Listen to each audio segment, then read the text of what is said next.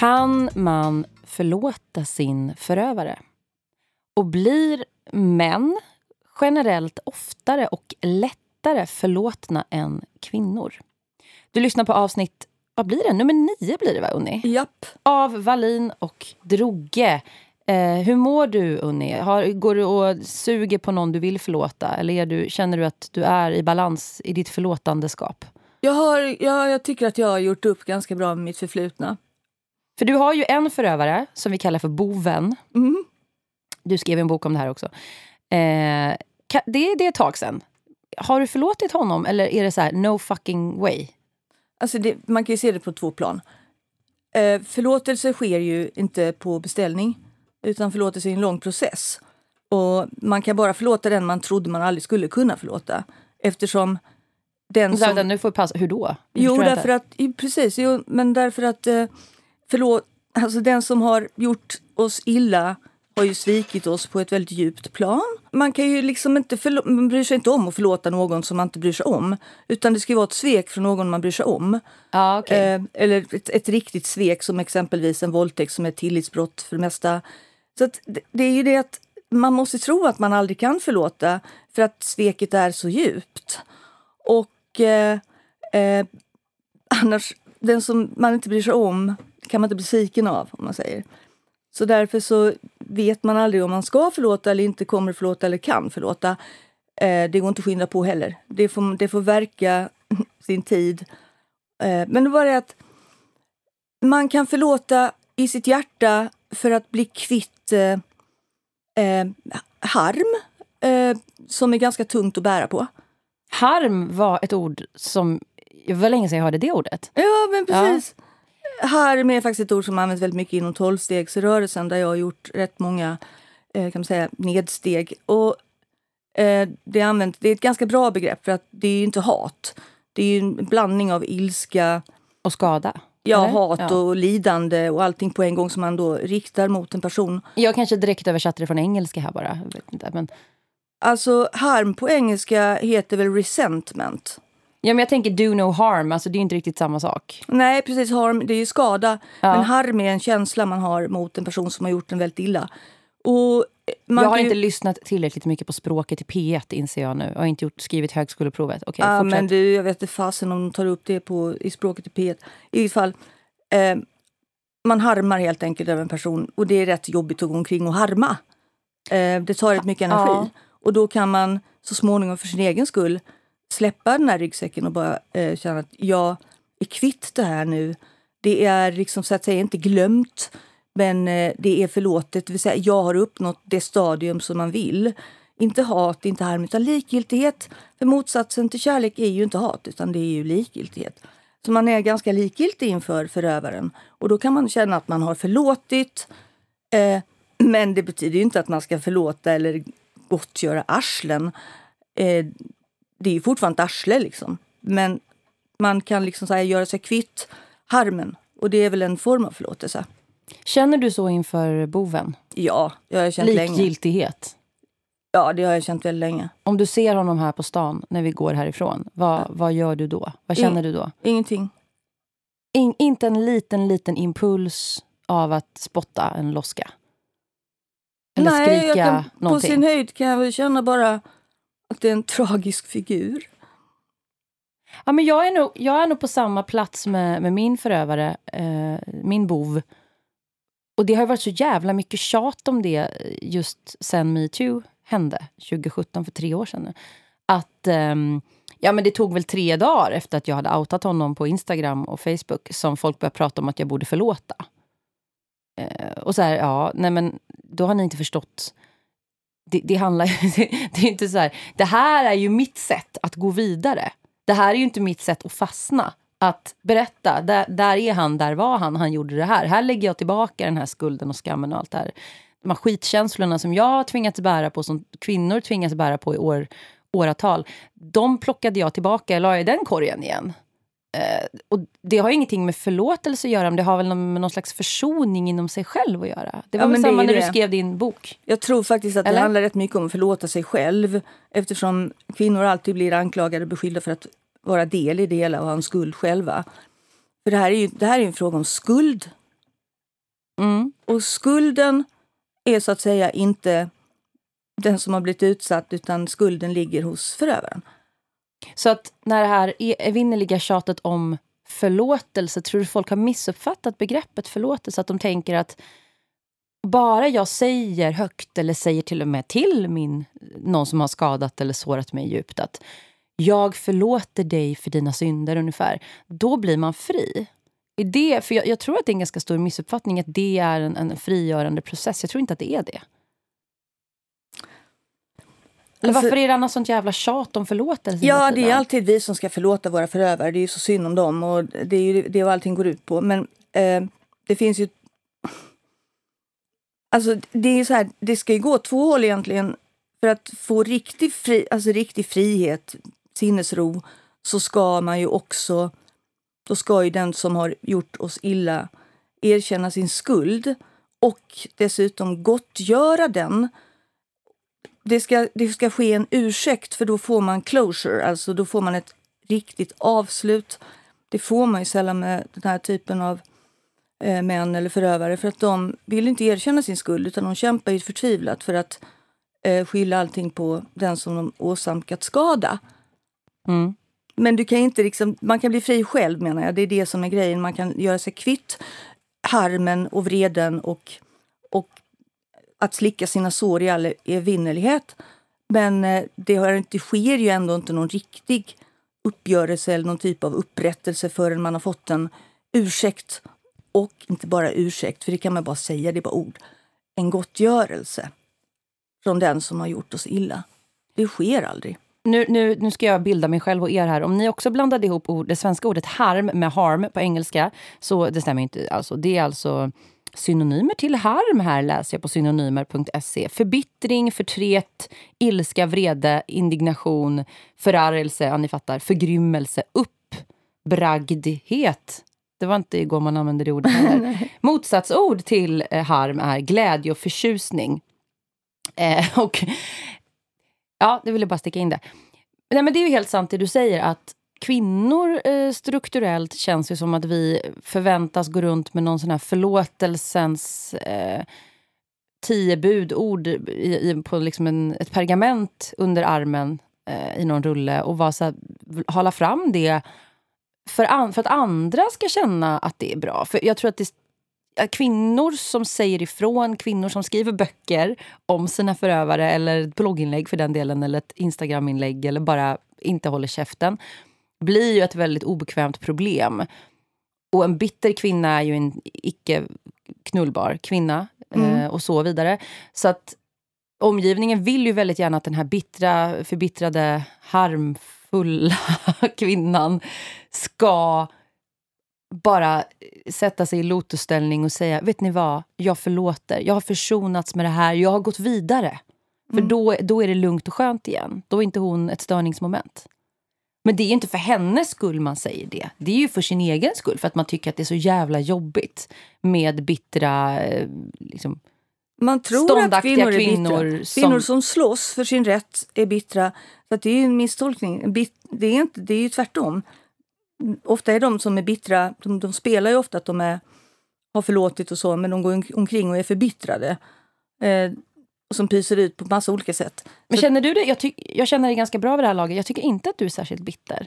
Känner du dig bitter på, Nej, på nej. män som har skadat dig? Nej, jag, jag gör väl inte det för att jag, liksom, jag vill ju leva och ha, ha det bra.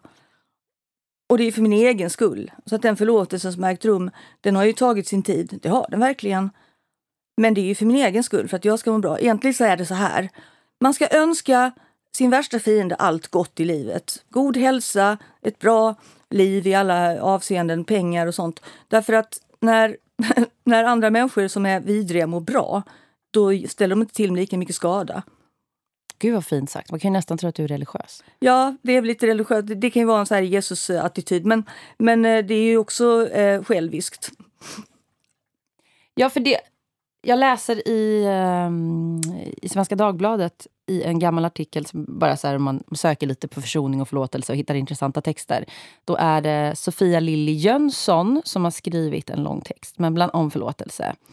Kan man förlåta allt? eh, Matteus evangeliet, eh, i Matteus evangeliet får Jesus frågan, och så är det ett långt citat jag inte orkar läsa. Men hon säger en väldigt intressant sak här. Förlåtelse är inte att inte utkräva ansvar. Förlåtelse är inte att släta över. Men motsatsen till förlåtelse är hämnd.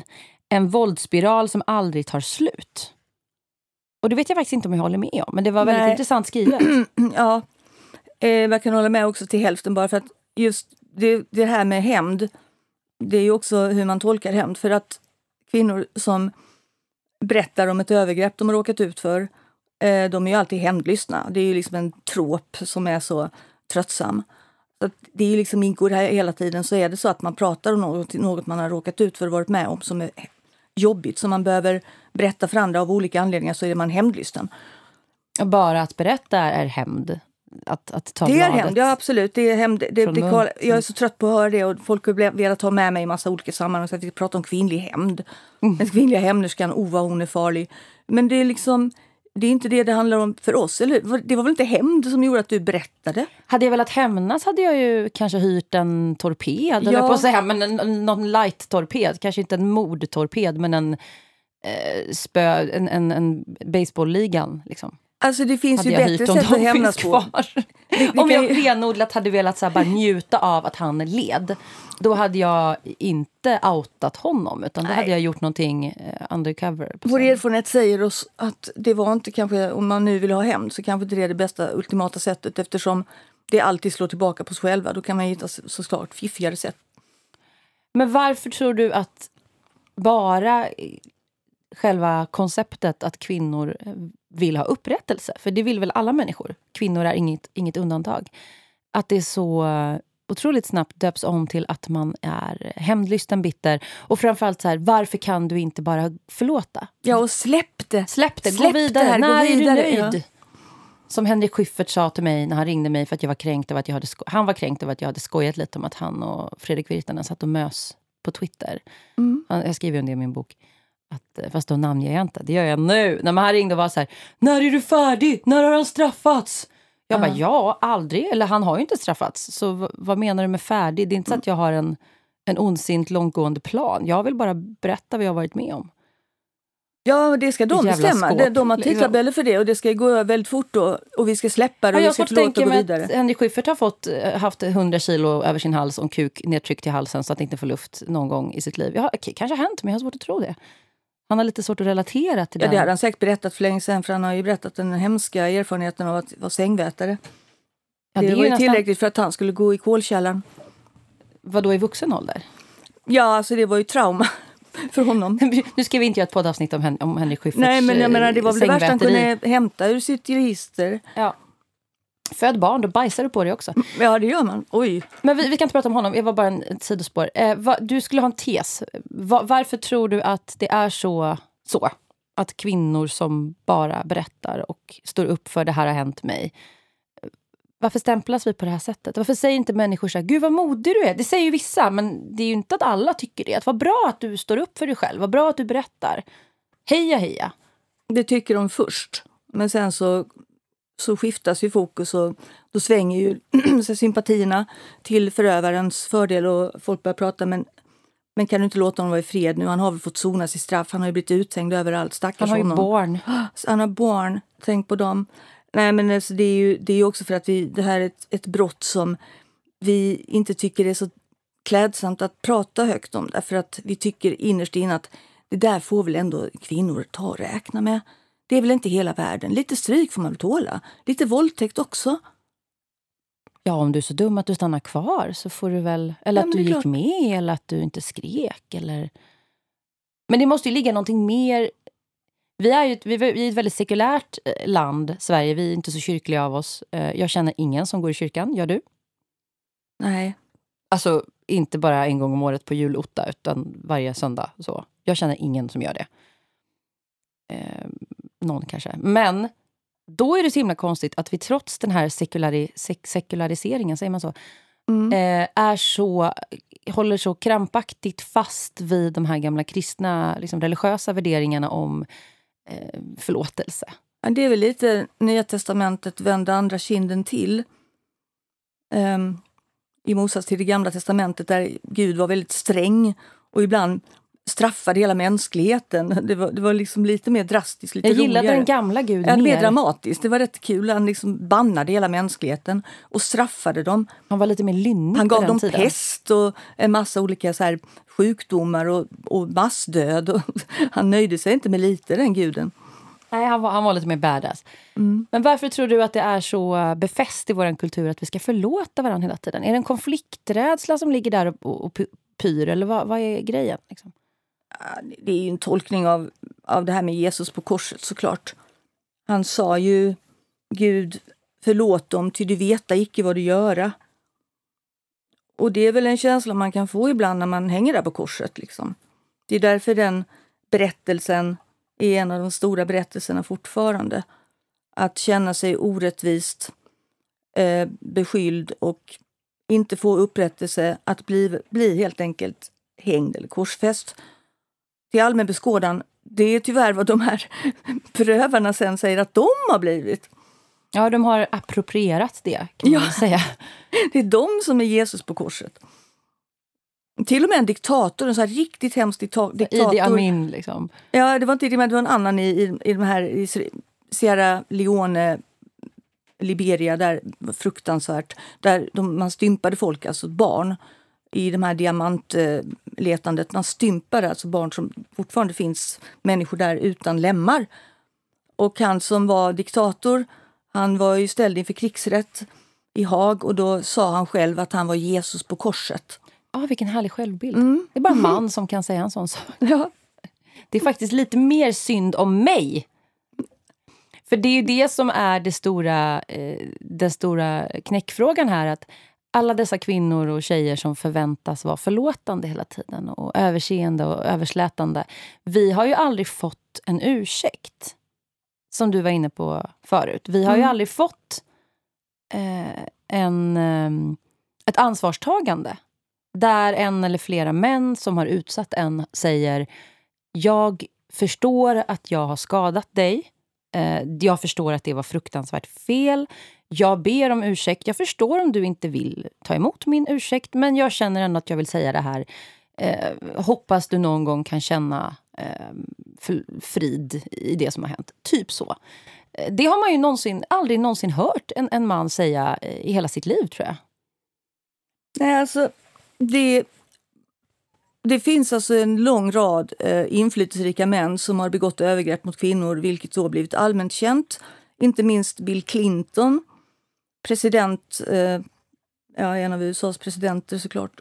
Och han eh, begick ju övergrepp mot Monica Lewinsky som var en ung praktikant. Ja, det kan vi snacka om en ganska skev maktbalans, eller obalans. Ja, men verkligen. Och det har ju stämplat Monica Lewinsky för livet. Hon har aldrig kunnat ha ett ordentligt jobb. eh, Hon har inte klarat sig alls bra. Och hon väntar förgäves på den här ursäkten. Han, f- han fick, han gav, han, gav, han bad alltså amerikanska folket om ursäkt för att han hade rört upp deras känslor. Men han bad aldrig Monica Lewinsky om ursäkt för de skador han vållat henne och erbjöd ingen gottgörelse heller. Eh, De kanske gjorde upp i någon slags... Ja, det är det de inte har gjort för Monica har ju gått ut och berättat om det här sen. Eh, det, kom, det, det uppstår ju då och då, blossar upp. Hon har skrivit här- en bok, jag har inte läst den. Nej men precis, men hon, hon har ju som sagt aldrig fått den här personliga ursäkten ansikte mot ansikte. Utan vad de här, ofta de här männen gör, det är att de ber om ursäkt offentligt, fast inte för det de har gjort, utan för att, de har, för att på- folk har blivit upprörda. Påkomna. Ja, för, ja, ja. ungefär. När att folk har blivit upprörda så ber de om ursäkt. För det, det var ju tråkigt att, att jag rörde upp era känslor. Eh, förlåt för dramat som eh, detta eh, vållade er. Men det är inte samma sak. Nej, det är ju två ganska olika... Jag kommer ihåg en, en lite mer mikro... Inte Bill Clinton, men en, en kille som jag gick i, i gymnasiet med. Det, det är lite på samma eh, vad ska vi säga, strukturella nivå ändå. Han var eh, notoriskt otrogen mot sina flickvänner. Och blev ju väldigt ofta påkommen, för han var ganska osmidig när han var otrogen.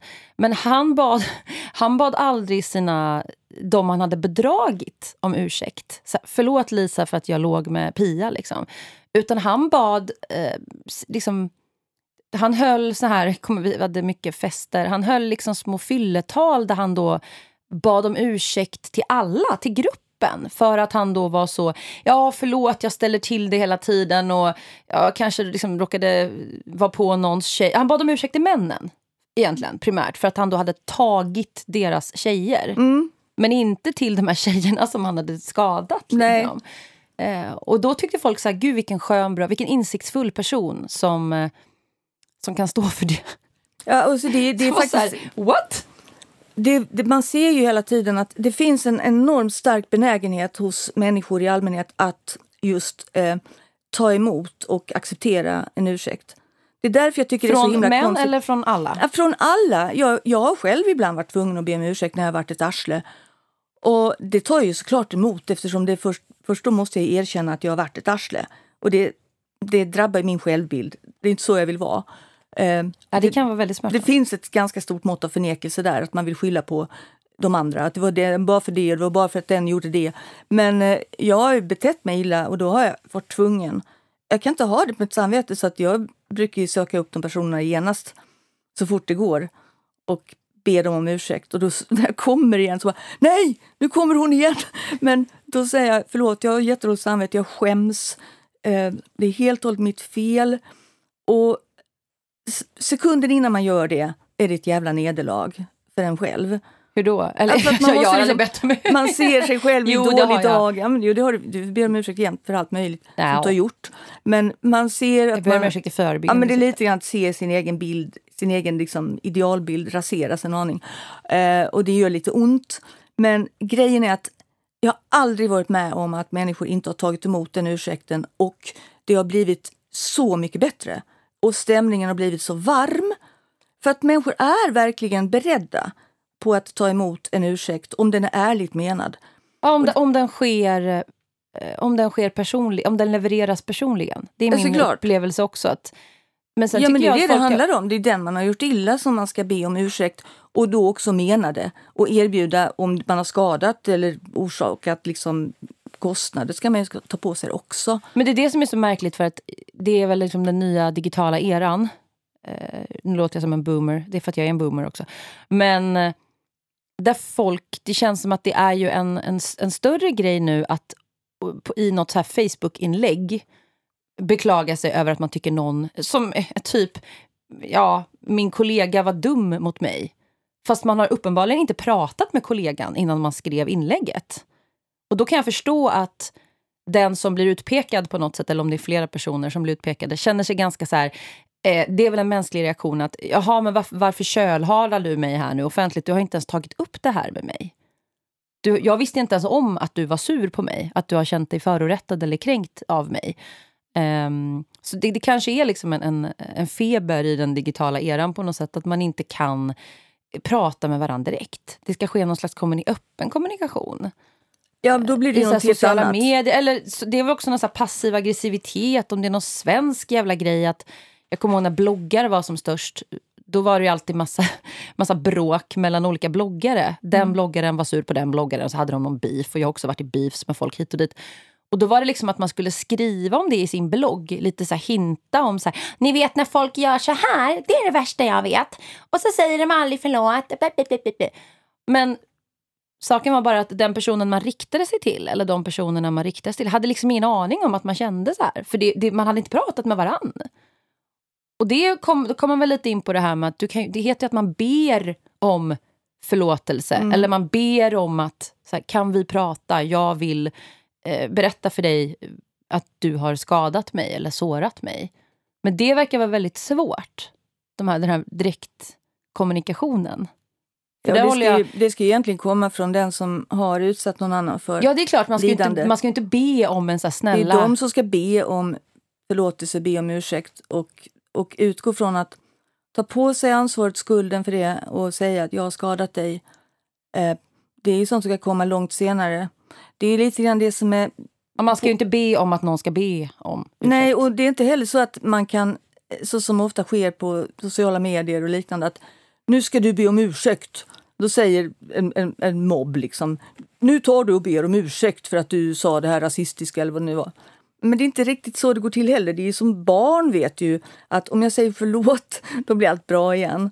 Men mm. att verkligen att be om ursäkt kan ju bara komma när man inser och själv tycker att man har begått ett brott eller en, en, ett övertramp. Man kan inte be om ursäkt bara för att andra säger att man ska det. Nej, och det är det som är så...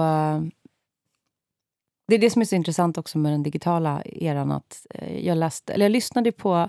Men nu kommer jag fan inte ihåg vilken podd det var. Du skickade någon podd till mig, bara på engelska. Lyssna på den här, den är bra. Och då pratade de om, eh, eller om det var någon video, någon, någon Youtube-klipp, skitsamma. De pratade om eh, någon manlig komiker som jag har glömt vad han heter också, men det var inte skitsamma, det är bara ett exempel.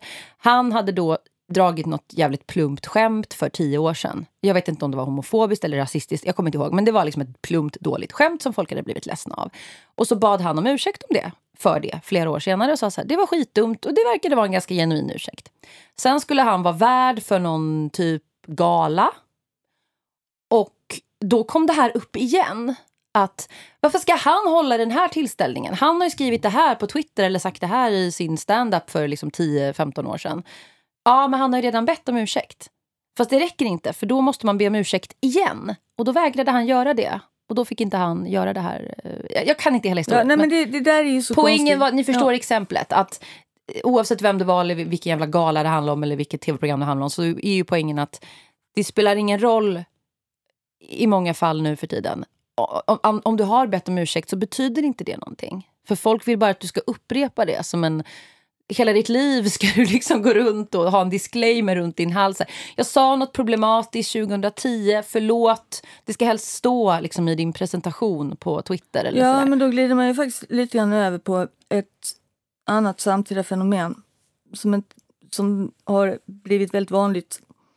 Och det är ju det här att, att man ska kräla i stoftet.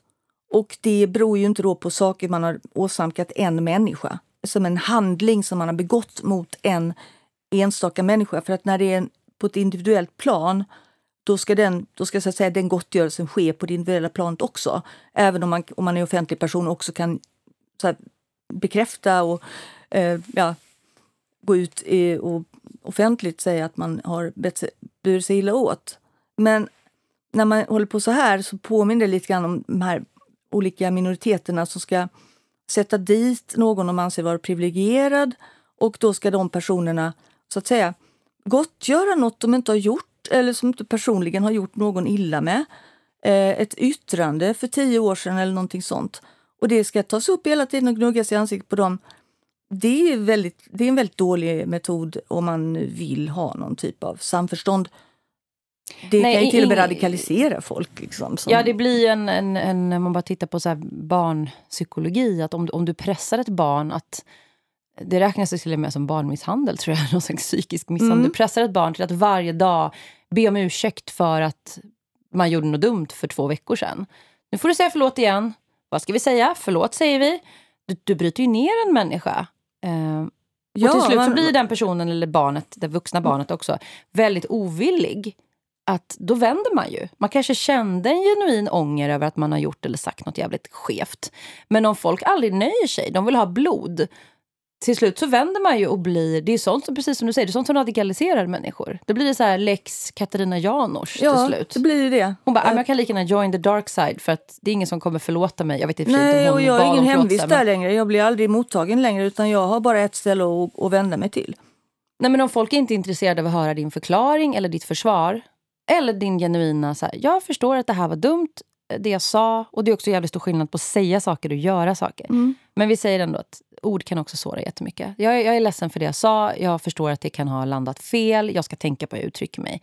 Bra, då ska, väl en, ska folk säga så här, ja men då får du väl upp till bevis. Liksom. Förstår, att du, förstår du att du, du gjorde fel eller ja, att du sårade många? Det är det som är gottgörelsen. Att man hädanefter inte upprepar det. Det är det som är själva gottgörelsen. Och Men man vill man ju inte gottgöra. Vill man, vill man gottgöra om man hela tiden ska bli så här, blåslampa i arslet? Liksom, att, Kom ihåg nu vad du gjorde där för tio år sedan som var problematiskt. Vad har du för kommentar? Ja, nej, ja, jag har det... redan svarat på det. Ja, fast jag vill ha en personlig... Du ska liksom säga förlåt till mig. Tycker någon. Så här, fast jag känner inte dig. Varför ska jag inte gjort nej, dig men någonting? Det är precis det. Men det är helt... Det är helt det är vanvett. Alltså, det, är inte... det var en tjej som skrev efter vårt för förra poddavsnitt när vi hade med Vul Vulverine från Mm. Skåne. Hon, eh, vi pratade om hemförlossningar, där jag fortfarande är lite kluven. Det var intressant att höra båda era, ni övertygade mig lite bättre. Men jag tycker fortfarande att det är lite risky business. Liksom. Men det kan man få tycka, man tycker olika. Då Mm. var det en tjej som skrev till mig, hon bara Nu när du blev överbevisad i poddavsnittet, då tycker jag att det är dags att du går ut och ber om ursäkt till alla de kvinnor som kände sig kränkta av att du... Jag bara, vänta, va? Ska jag be om ursäkt till dig, eh, hej, hello stranger, för att du blev lite krä kränkt, lite putt av att jag sa någonting du inte håller med om i, på, i en, eh, ett inlägg på Instagram eller en podd?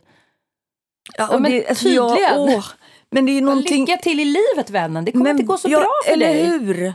Kolla, jag, alltså jag har varit i såna biffar, så här, evighetsdispyter med enskilda personer på typ Twitter. Eh, som i någon, det var någon helt bizarr grej att jag skrev om det här Viagra för kvinnor. Jag bara skrev en tweet om att ja, då måste ju läkemedelsindustrin jubla. Och någon som kände sig kränkt av det och tyckte att det var jätteviktigt för, för tjejer och kvinnor att få eh, Viagra. Eh, nu är det ju inte det, det rosa pillret jämförbart med Viagra egentligen. Men eh, eh, och blev jätte, för att det finns det är faktiskt jättejobbigt att inte ha någon sexlust och bla bla bla. Och då skrev jag, jag ber om ursäkt ifall jag sårade dina känslor. Ja. Men det räckte inte. För Nej. att jag hade, det var inte så att jag ber om ursäkt ifall jag, för att man tycker så här, ja men om jag, om det är så det, nej, det var, jag hade gjort fel. Jag hade sårat hennes känslor med flit och skulle då gottgöra eller be om ursäkt. Och det gick ju inte jag med på för jag sa att du tolkar det som att jag eh, var, alltså, offendade dig. Mm. Eh, och jag ber om ursäkt för att du, du kände dig ledsen av det. Men det räckte inte så att hon kunde vara på i evigheter. Det Men tog vad, vad aldrig ville slut. hon ha då? Vad Hon ville hennes- att jag skulle säga att jag hade sårat en känsla med flit, jag hade gjort fel. Jag okej. anser ju fortfarande, jag står ju fortfarande för den tweeten. Alltså det är, det, är, det är två olika saker. Jag står för tweeten, jag kan fortfarande säga det. Men sen kan jag vara så här, det var ju tråkigt att du blev ledsen av det. Det, det var inte meningen. Nej, Men det jo, var det det visst var det. Din Det var visst meningen. lille Ja. jävel. Det var meningen. Jag ska säga att Du, bara, alltså, du hatar den här Lena, Lisa, Pia så mycket så att du var tvungen att bara pinpointa henne med ditt Ja, hat. det blir, det blir helt bisarrt. Man kan inte fortsätta då för att jag hade inte någon avsikt att såra någon. Och om någon tillskriver mig en avsikt att såra någon när jag skriver någonting som egentligen inte handlar om dem, eh, då ska jag be om ursäkt för det också. Man kan inte hålla på sådär. Men är det här är- väldigt kvinnligt? Eller håller Ja, män det på så jag. här?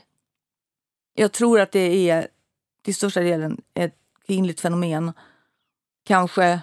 Jag, jag ser i alla fall inte män hålla på sådär. Fast jag tror att de gör så mot kvinnor å andra sidan. Men för nu min, ska du säga förlåt! Min, ska- ja, nej, men det blir en härs, ett härskande att Mm. kvinnan ska egentligen be om ursäkt för någonting han har gjort. Mm. Som, ja, han projicerar det på henne. Mm. Men min, min eh, generaliserande genusanalys här är att män som är bittra fiender eller ovänner sedan länge, de har glömt varför de är så jävla bittra och sura på varandra.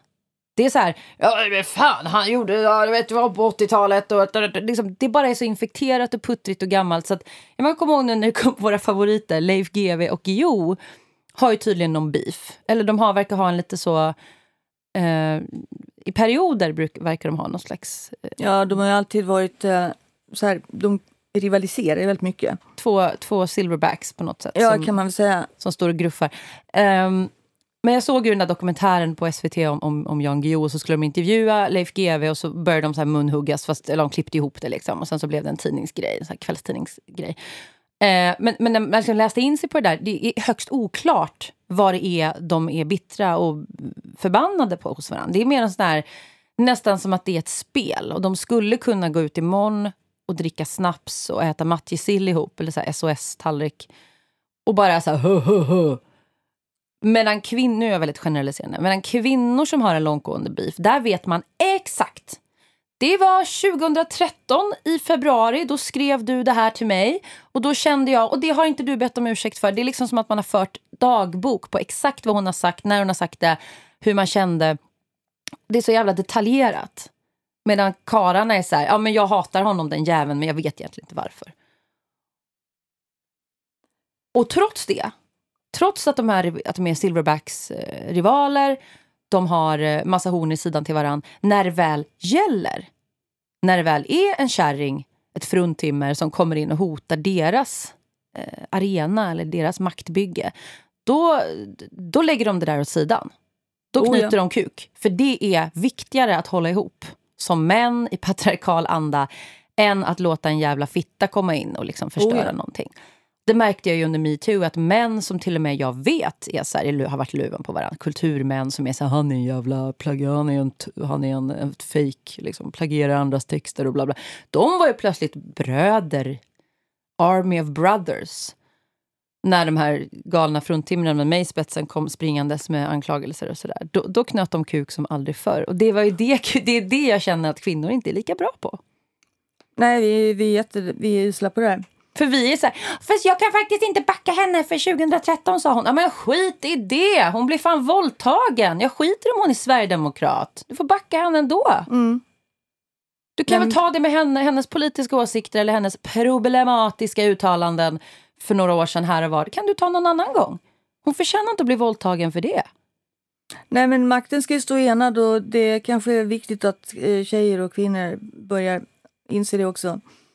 Vad- Eh, man, vad- man har överseende också med att man har olika, alltså, olika synpunkter på saker och ting. Men jag kommer ihåg, jag, jag umgicks en hel del med, med Jan och Leif. Alltså, Åh två nej, du satt emellan. Jag satt, nej, ja, det kan man säga att jag blev, man blev ganska klämd för de, de väger ganska mycket. Eh, men eh, det var ju, vi hade ju olika, i samband med att jag låg på Piratförlaget bland annat, då satt jag på diverse middagar med herrskapet. Jag kände ju Leif sedan tidigare. Eh, och eh, då var Jan Guillou jättearg på Torbjörn Larsson som var dåvarande chefredaktör för Expressen. Mm. För att han hade skrivit om, eh, det var någon så här, Jan Guillou hade kört rattfull eller vad det var. Eller kört som en dåre i alla fall eh, i närheten av sitt sommarhus. Jaktstugan där. Och eh, det blev stora rubriker, skandalrubriker. Och så hade det varit fler skandaler också. Expressen hade ju någon hänga på att få dit Jan Guillou. Och eh, fick ju också en del fullträffar som sen liksom sopades under mattan. Men eh, eh då var ju Torbjörn Larsson ändå bjuden till Piratförlagets tillställningar och eh, mingel och middagar. Och varje gång så sa Jan Guillou på fyllan och villan när han hade tankat i sig det här blaskiga men väldigt dyra vinet, för att han var ingen vinkännare. Han bara låtsades. Han hade råd att beställa in dem. Ja, han beställde alltid Dyraste dyr, inte det dyraste, men det var inte det Det godaste. dyraste vinet är aldrig det godaste. Nej, det är inte jag det. vet, för jag har druckit jävligt mycket Ja, men eller hur? Ja. Men Jan låtsades att han var vinkännare för att han, han ville ju vara, han ville ju vara en fin man. Fastän han är väl, en väldigt alltså, tölpig. Men i vilket fall satt han där med sin, sin rutiga skjorta bredvid Torbjörn Larsson och sa varenda gång att han skulle rulla in, han skulle tvinga Torbjörn Larsson att äta sin egen löpsedel. De här löpsedlarna som chikanerade Jan. Eh, invirade. Han skulle i och för sig kunna tänka sig att lägga en köttfärslimpa i löpsedeln och rulla ihop. Men Torbjörn skulle likt förbannat äta sin egen löpsedel. Och det skojade de varenda gång de träffades och Torbjörn satt bara bredvid och skrockade och nickade. Men sen när det var när timmen blev sen och eh, damer, en del damer stannade kvar, då var männen i full galopp eh, och ägnade sig åt det vanliga. Vad är det vanliga? Ja, de, i, de gick i grupp och tyckte det var härligt med de här damerna så de kunde sticka in sina tungor i halsen på och liknande. Eh, då var det inga problem att eh, gå ihop och vara i flock. Och det, de satt ju i flock även innan. Då var allt groll Den här glömt. fiendskapen eller så att äta upp en löpsedel, det var liksom glömt för det var inte det det handlade om. Det var bara för att de skulle markera mot varandra. De markerar hannarna. Liksom, ja, ja du, du har gjort det här, du ska straffas för det. Men det var ju bara markering. Men det verkliga som de gör tillsammans, det är ju att gå på tjejer och kvinnor. Där, de ska ju hållas på mattan. De ska ju veta sitt värde. Det vill säga inget värde alls. Mm. Nej, men det kan man väl se också. Jag, jag, jag kan inte låta bli att fundera högt på vad som hände med han rektor, rektor Hamid nu. Mm. Antisemiten och kvinnohataren och homofoben. Ja, det är så lätt att svepas med det där också för att jag... Först, Kommer han bli förlåten? Alltså det kanske... Det kan nog vara lite svårt att döma eller bedöma. Vad tror du? För det är liksom det här är ett annat fall. Det här handlar inte om sexuella övergrepp, det handlar om något annat. Alltså, jag tänker så här att han är ju... Eh, han var ju en väldigt eh, folkkär... Alltså, han var ju inte så här Lasse Kroner. Liksom. Men, men han var ju... nej, men många inom kultursfären var ju så här, åh, han är, han är liksom en ganska ung, ja, han var 37, 38, men en ung, ung invandrarman som liksom brinner för de viktiga frågorna. Och, så här. och där tror jag fan att det kan slå, om, inte nu, men om något år, kanske två, att han då får ett nytt sånt här hedersuppdrag någonstans med motiveringen att han har ångrat sig. Han har, han Men har, gjort, sagt. han har gjort så mycket bra. Ja, de säger ju alltid att de ångrar sig när de blir påkomna. Så ja, det är omöjligt. Jag känner inte honom om han faktiskt har haft de här... Uppenbarligen har han haft de här åsikterna. Han har inte skrivit ett inlägg. Det var ganska många inlägg Ja. han skrev. Men, men han kan ha ångrat sig. Han kan ha tänkt om. Vad fan vet jag.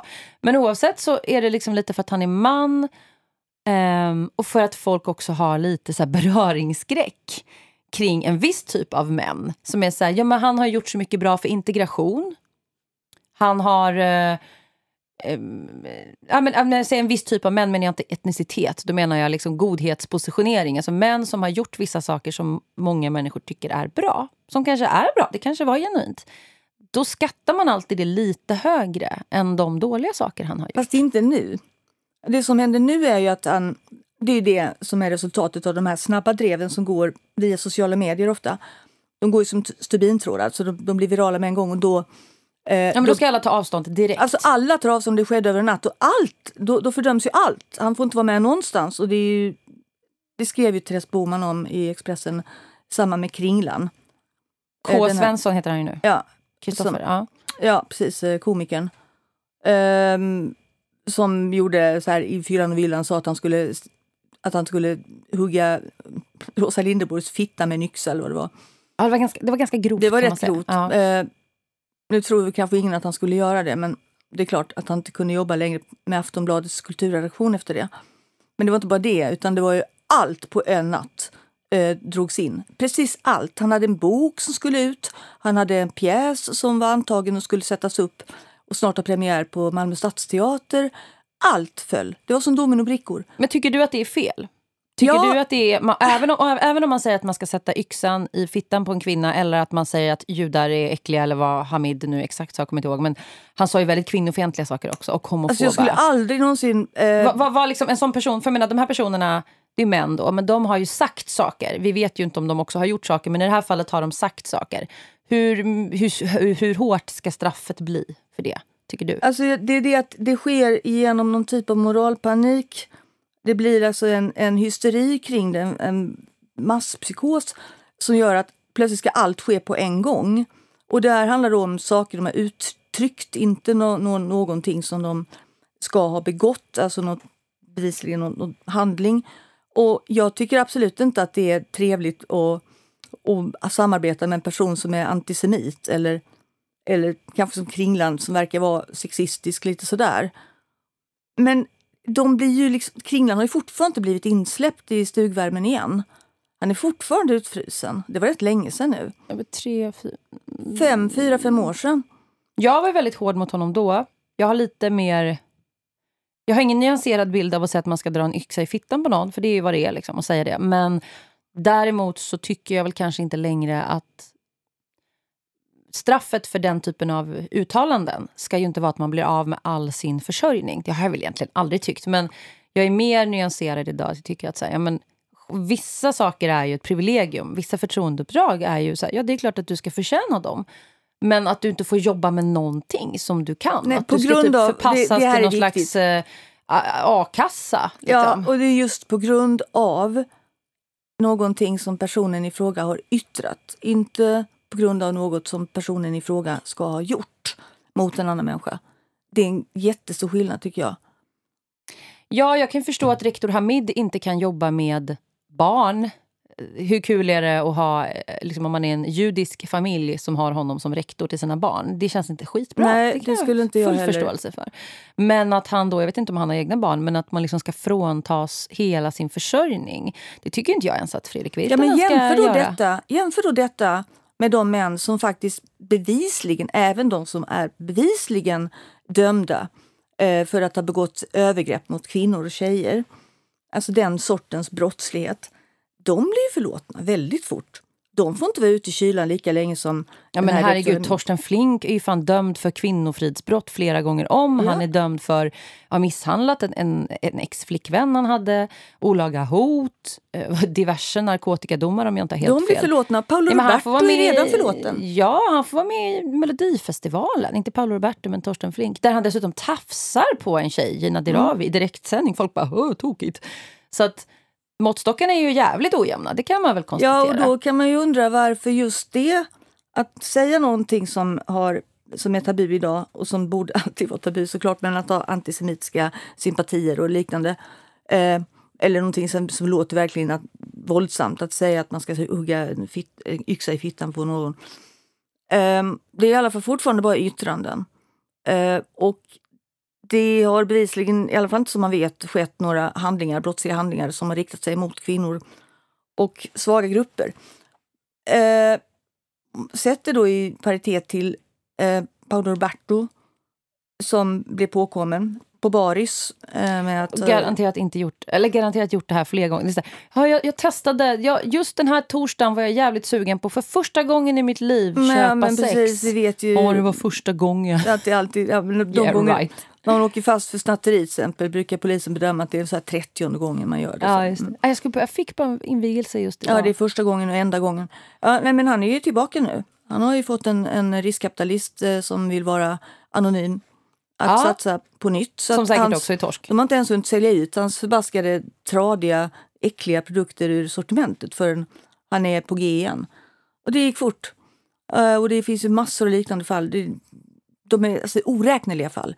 För det där tycker jag är så intressant med förlåtelse och, och eh, proportioner. För att när Paolo åkte fast, eller ja, det tog ju, jag läste ju lite mer om det där. Han satt ju i en polisbil i flera timmar innan han erkände. Han som har pratat så mycket om att vara en så här riktig man.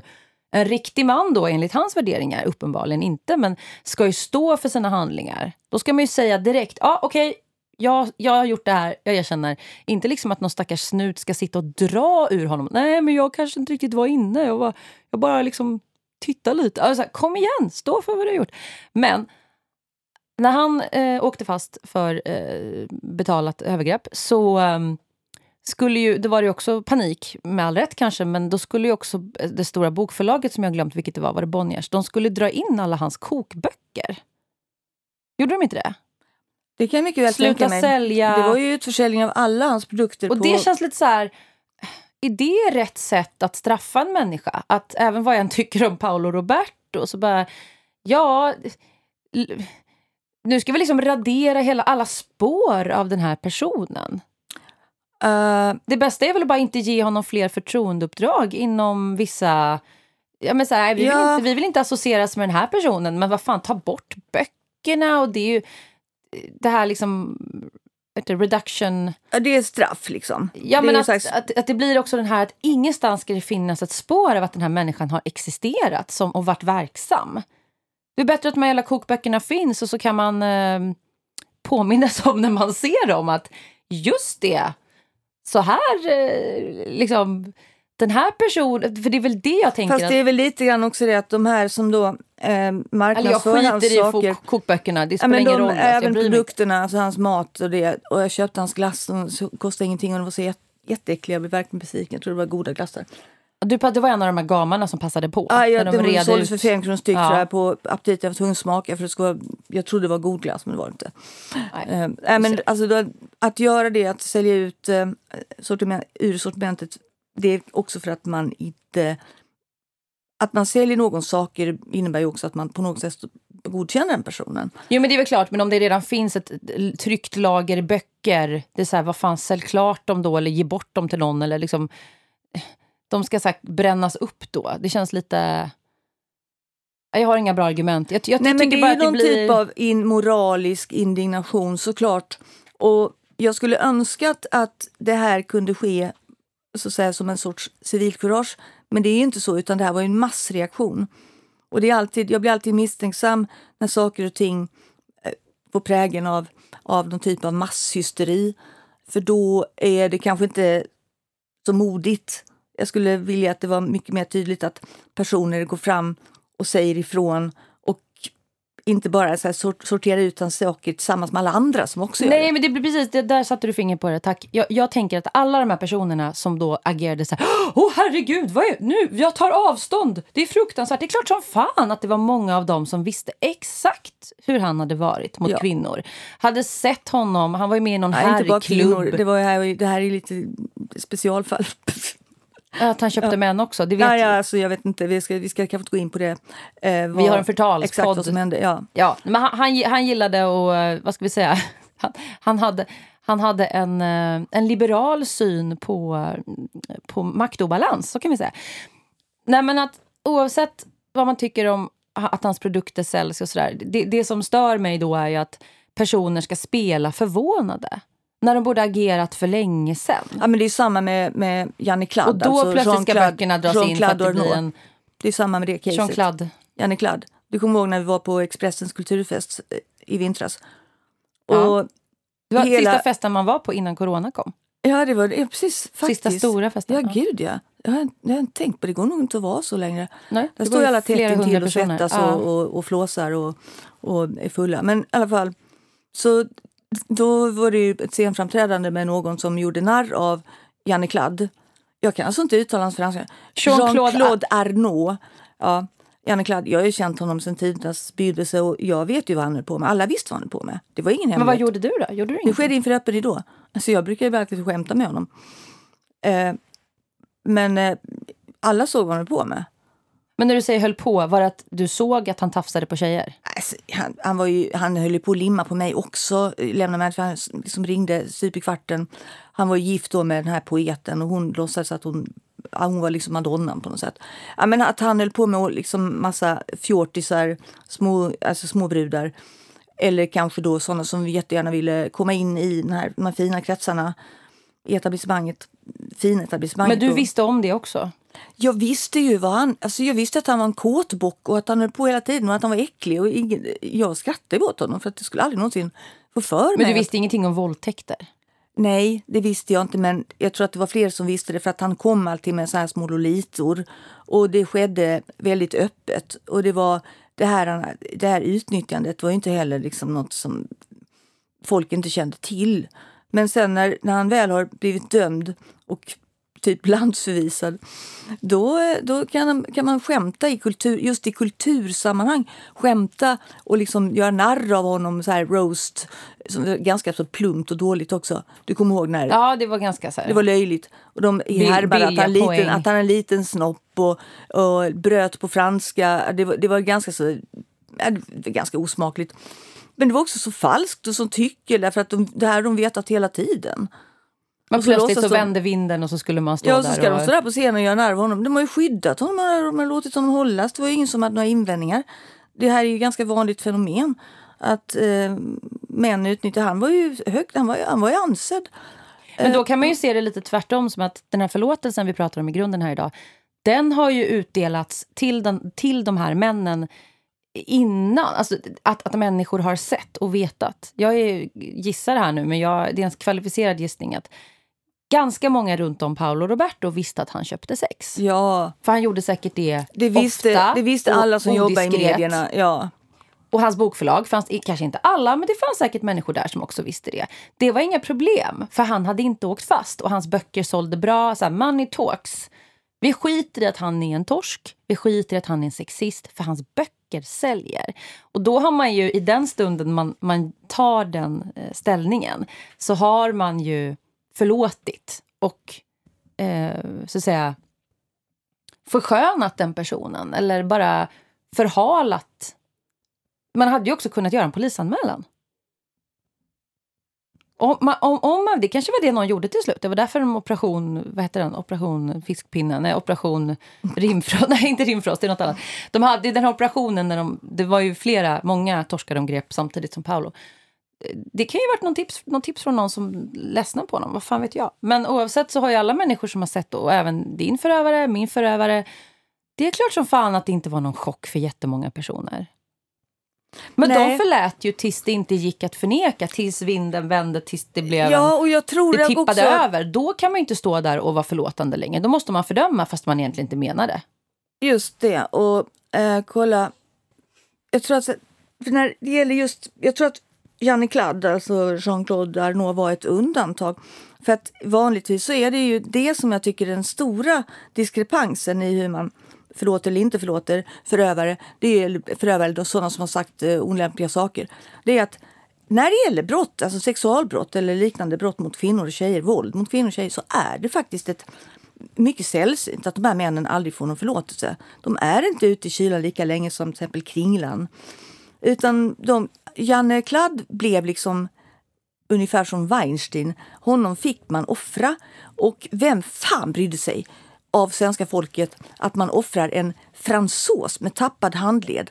Så här fjollig, bögig nästan. Eh, som ingen brydde sig om, som representerade Svenska Akademin. Men du menar att det är fel att vara fjollig och bög? Sitter du här och är homofob? Ja, men jag säger vad, jag, jag bara, jag bara liksom så här Reciterar vad andra tyckte. verklighetens folk, deras syn på Janne Kladd är väl att ut med honom. Men han var ju inte, han var inte Lasse Kroner. Han var ju inte en folkkär... Nej, han var ingen falukorvsgubbe. Han var verkligen bara en sån här fisförnäm eh, mallapa som st- stod i kulturens salonger under kristallkronorna och viftade med sin handled. Det var ju sånt folk, det var den uppfattningen folk liksom verkligen med avsky kände ut med honom. Så det kostade inte så- så mycket att göra sig av med honom. Det var ju, det var ju ganska så enkelt. Det, det offrades ingenting. Liksom. Man, kunde avgöra, man kunde avvara honom. Men det andra andra människor, som, män som begått de här brotten, de blir faktiskt förlåtna. Det spelar ingen roll om de är dömda eller inte.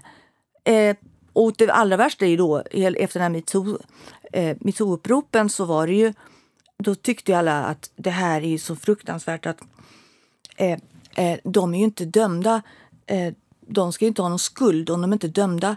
Och det är det här begreppet skuld som jag skulle vilja ta upp lite grann för att det är som om så länge, alltså skuld är något som har sopats under mattan på det mellanmänskliga planet. Hur då tänker du? Ja, för att om man har begått ett brott, någon som du, du blev utsatt för brott och din förövare förnekar det och säger att han är utsatt för en förskräcklig lynchjustis, eh, då, då ska han sen stämma dig för förtal och det sker ju liksom nu på sätt systematiskt. Eh, ja, men då ska ju mannen bevisa, sig, bevisa liksom hur förskräckligt det är om denna lynchjustis får fortgå. För att man har tagit bort skulden på det personliga planet. Han har en skuld. Han, uppenbarligen har han en skuld. Det kan ju du vittna om. Och det är personligt, men så länge... Det är precis som att det har tagits över av någon slags juridik. Liksom. Så skuld är bara juridiskt, den är inte Ja, men det, det, det håller ju inte heller för att man, man då, folket, en, en ganska hög, högljudd klick, grupp, tycker att nej, nej, nej, vi kan inte ha ett rättslöst samhälle då för män. För att kvinnor kan, man kan inte berätta saker som inte går att styrka. Det ska vara prövat i domstol, bladi, bladi, bladi. Det är väldigt så fyrkantigt. Men då har vi å andra sidan fallet Örjan Ramberg där vi har en dömd förövare. Men då får man inte nämna hans namn. Tidningarna skriver inte ut hans namn. I stort sett ingen gör det. För att han har ju sonat sitt straff. Han har ju, eller sitt brott. Han har ju... Eh, han, han är ju... Det är ju utagerat. Varför ska vi hålla på och älta stackars man som råkade spöa på en kvinna och sen fick typ, han fick ju ingen straff, fick en villkorlig dom, det var ingenting. Det var ju så ajabaja. Han fick ju inte sitta inne eller någonting. Eh, men då är det så här, nej men nu, nu är det färdigt, nu måste vi gå vidare. Man kan inte döma folk för all framtid. Mm, och då Så tar det man finns bort... ju inget sätt där det är legitimt. Nej, men man tar bort skulden, den personliga skulden, det personliga ansvaret. Det har liksom på något sätt offrats till förmån för en män som kräver någon typ av resning mot eh, den här förskräckliga pöbelhopsmentaliteten som, som hela demokratin hotas av. Och då blir det en fråga om det istället för vad de har för personligt ansvar och personlig skuld. Och då kan de heller inte leverera en personlig ursäkt. Nej, det, det, det kan de ju inte. Det har ju aldrig hänt. Och sen tänker jag också osökt på kvinnor som dömer andra kvinnor. Alltså kvinnor som avkräver. Det händer ju framförallt i sociala medier. Vi rör oss ganska mycket där nu i och med corona och sådär. Ännu mer än vanligt. Där man då går runt i, i grupp och kräver att olika kvinnor, det sker ju hela internationellt också, olika feministiska opinionsbildare eller kändisar, artister, skådisar, sportstjärnor, kvinnor ska liksom då be om ursäkt för massa olika saker de har gjort och sagt eller ibland också inte gjort. Du tog inte ställning i den här frågan. Nu får du be om ursäkt för att du inte tog ställning. Jaha, ja, förlåt, jag var inte så påläst. Nej, men be om ursäkt nu för att du inte tog ställning för eller emot det här. Eh, de avkrävs, eller vi, för jag ingår väl i den, du också, den klicken, som, som hela tiden avkrävs ursäkter till enskilda vi inte aldrig har pratat med eller så. De kvinnorna som dömer oss hårdast, jag har inte gjort någon så djupgående granskning för det har jag inte tid med, men ibland så går jag in och tittar lite mer så här pinpointar för mig själv. Vad är det här? Vad är det för, kan jag förstå? Kan jag förstå vad det är, varför de är så arga på mig eller vad de vill ha av mig? De som vill ha ursäkter av massa olika slag. Gå in och titta på vad det här är för kvinnor. Det är ju inte sällan alltså som det är så här favoritartister Michael Jackson och Drake. Man bara, mm. okej, okay, så att du, du tycker att du där skiljer du på sak och person. Du har en idol, en manlig mm, idol mm. som har erkänt övergrepp på små unga, eller liksom väldigt unga tonårstjejer. Eller uppenbart att du är liksom heb, vad heter det, hebefil. Mm. Drake gillar ju väldigt unga tjejer. Eh, och det har väl inte alltid varit samtycke om man har läst lite om honom. Eh, Michael Jackson var ju renodlad pedofil. Okej, okay, ja, men det kan du, eh, det kan du liksom ha överseende med. Men jag är fett problematisk. Mm, men det är återigen, det? återigen eh, den sortens handlingar, begå övergrepp mot barn, kvinnor och tjejer. Det är eh, ett, ett brott som tydligen svenska, eller folket i allmänhet, hela, hela världen, är benägna att förlåta nästan omedelbart. Det är helt enkelt återigen så att det, det brottet är inte något att skriva hem om. Men man måste faktiskt inte ropa ut från hustaken att man har blivit utsatt för en våldtäkt. Man kan faktiskt hålla det för sig själv, eller hur? Varför måste... Varför kan berätta för din var, du tvungen att, var du tvungen att ropa ut detta? ja, jag försökte. Tänkte du inte på hans familj? Jag försökte viska det, men det var ingen som lyssnade. Nej. Eh, det man efterlyser är väl en någorlunda jämnvikt i de här vågskålarna, eller jämn längd på de här måttstockarna. Att varför kallar man sig feminist? Jo, det vet jag, för att det är kommersiellt. Det är liksom postmodernistiskt gångbart att kalla sig feminist. Fast man kanske inte har läst... Man behöver inte vara akademisk. Jag har inte läst ett, ett enda, har inte ett enda högskolepoäng. Men du har inte läst någon feministisk teori, du har inte gjort någon maktanalys, utan du bara är så här t-shirt, jag är feminist. Och så ska du då sitta och döma andra kvinnor och kräva det, att de ska kräla i stoftet. Och eh, Du idoliserar andra kvinnor samtidigt som du ställer helt sjuka krav på dina kvinnliga liksom, systerskapsidoler. Men vad gäller män så har du en helt annan måttstock. En helt annan eh, ja. förlåtelse. Och, denna ursäkt... och då är man inte feminist. För det, det faller, liksom, jag är ledsen, då faller hela, hela den så kallade analysen. Det går inte. Ja, då har man liksom, faller väl hela den, den, den, grundläggande feministiska frågan, nämligen den om hur patriarkatet en gång blev till. Jo, du, då, med våld. Ja, och också så här att ja, men ja, man måste kritisera, kunna kritisera andra kvinnor. Ja, det är klart du kan kritisera kvinnor hur mycket du vill. Men då ska du kritisera män minst lika hårt. Minst lika hårt. Och det gör inte du. Nej, men det kostar. Det är, det är rätt jobbigt att ta avstånd. Jag, jag, jag tycker män som är kända och som på något sätt representerar andra och begår sexuella övergrepp mot kvinnor, de ska man inte ha samröre med. De ska inte försörja sig på det. De får försörja sig på något annat. Jag Sen är det också... Ja, men en som, jag menar sådana män som alltså har en representativ eh, funktion i samhället. Skådespelare också. Eh, fotbollskillar. De ska inte ha kvar dem. Ja, men de, precis. Men de, det är något annat. Eh, exempel politiker. Man kräver faktiskt en bättre vandel, så att säga, ett bättre eh, uppträdande från dem eftersom de ska representera flera. En agent, eh, som då i mitt fall, det är inte särskilt fräscht att att så att säga godta att man ligger hos en agent, representeras av en agent som har begått sådana här brott. Ja, som är dömd för Ja, dessutom dömd, men du vet, det har ju ingen betydelse om man är dömd eller ej för att skuld de, de, ingen, de har ingen skuld ändå. Nej, och nej. Jag bara undrar, eftersom vi var inne på det här, hur lätt det är att förlåta någon som ber om ursäkt med hjärtat. Varför har inte de här förövarna, jag tänker ofta, har de varit smarta? Då hade de gått ut och sagt jag har begått ett allvarligt brott. Jag ångrar det djupt, säger det först till svenska folket. Jag har gjort en annan människa illa. Det, det gnager på mitt samvete. Jag måste bekänna det här nu. Och jag ber om ursäkt för att jag har ljugit och jag kommer att be den här personen jag gjort illa om ursäkt personligen. Alltså, har hade, det någonsin hänt? Hade, nej, precis. Nej. Men hade de gjort det, hur hade svenska folket reagerat? Öppna famnen! Ja, då blir man ju folkkär. Ja! Alla hade bara tagit emot dem, sagt det är förlåtet, du erkänner, vad bra. De hade hyllats. Är som där Alla dans- jobb och allting hade fått tillbaka. Dansbandsgubben som körde rattfull massa gånger. Jag kommer inte vad han heter nu. Han är väl död nu. Men han, Ja, berä- han berättade det. väl om det. Och så här, han klev fram och, och var så här, jag har gjort fel, jag ska ta hjälp. Han blev ju bara ännu mer folkkär.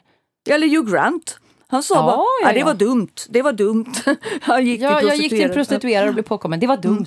Folk bara, ja men du är ju så jävla Ja, bra i den här. Love Ja. actually eller vad fan. Ja. Heter den? Är det Love actually? Ja, det var ju innan han spelade in Love actually. Han blev bara ännu mer det- älskad sen- efter det. Och alla, alla kärringar bara, åh nu blir jag så fuktig i trosan av den här torsken. Mm. Jag har också gillat Hugh Grant så jag är lika skyldig. Jag. Ja, men alltså, det räckte med att han sa att det var dumt. Han sa i alla fall att han hade gjort att det var dumt.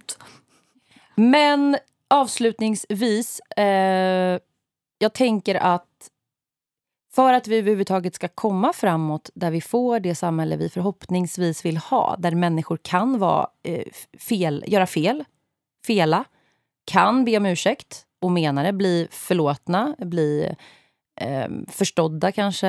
Eh, Och gottgöra. Gott, och, och precis, men då får man också på något sätt gottgöra. För att nå dit så måste vi ha med oss den här maktanalysen också kring kön och könsroller. Att är du feminist, oavsett vilket kön du säger dig ha eller identifierar dig som, eh, hur bedömer du kvinnor och män lika versus olika?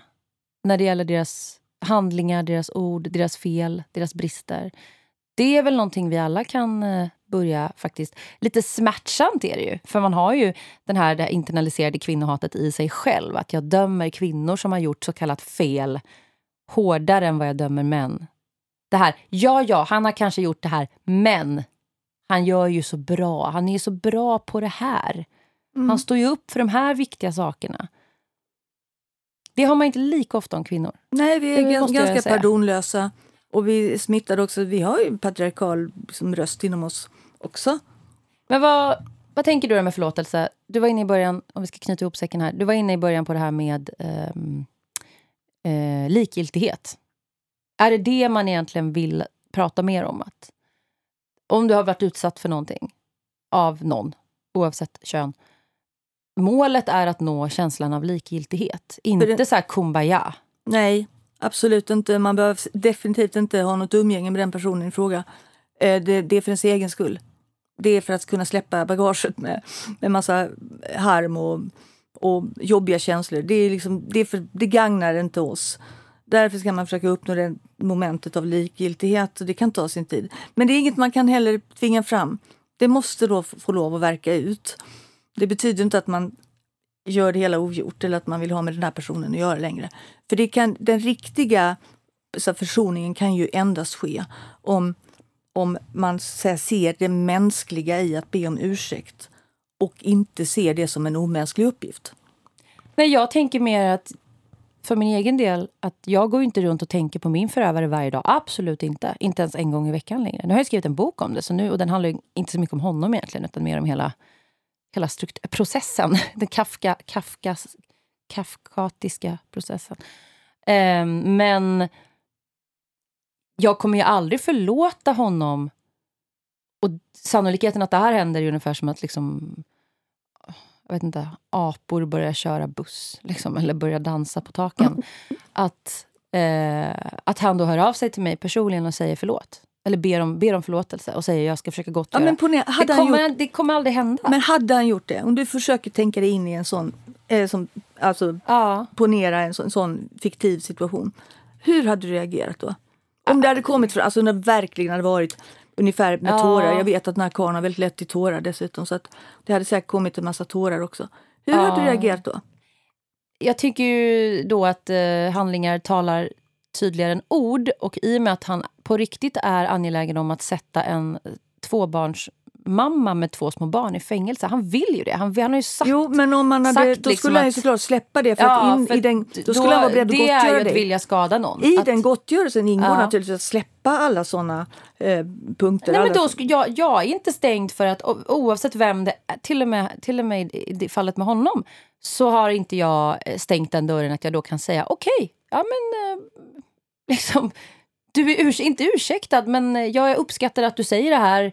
Men det ska jag Eh, inte säga i telefon utan det skulle ju vara att ni, han skulle träffa dig. Ja, men det, det känns så världsfrånvänt att det är någon... Jag har inte Jo, ens men får inte, reflekterat alltså jag, bara över... tänker, jag bara tänker på alltså ett, ett sånt scenario. hur, hur det hade kunnat... Hur hade du Jag hade det? världen sett ut så att män som hade gjort de här sakerna hade den insikten eller kunde få den insikten eller komma till den platsen, då, då hade vi haft en bättre värld. Det hade vi ju, Ja. eller hur? Och jag- För du hade ju såklart...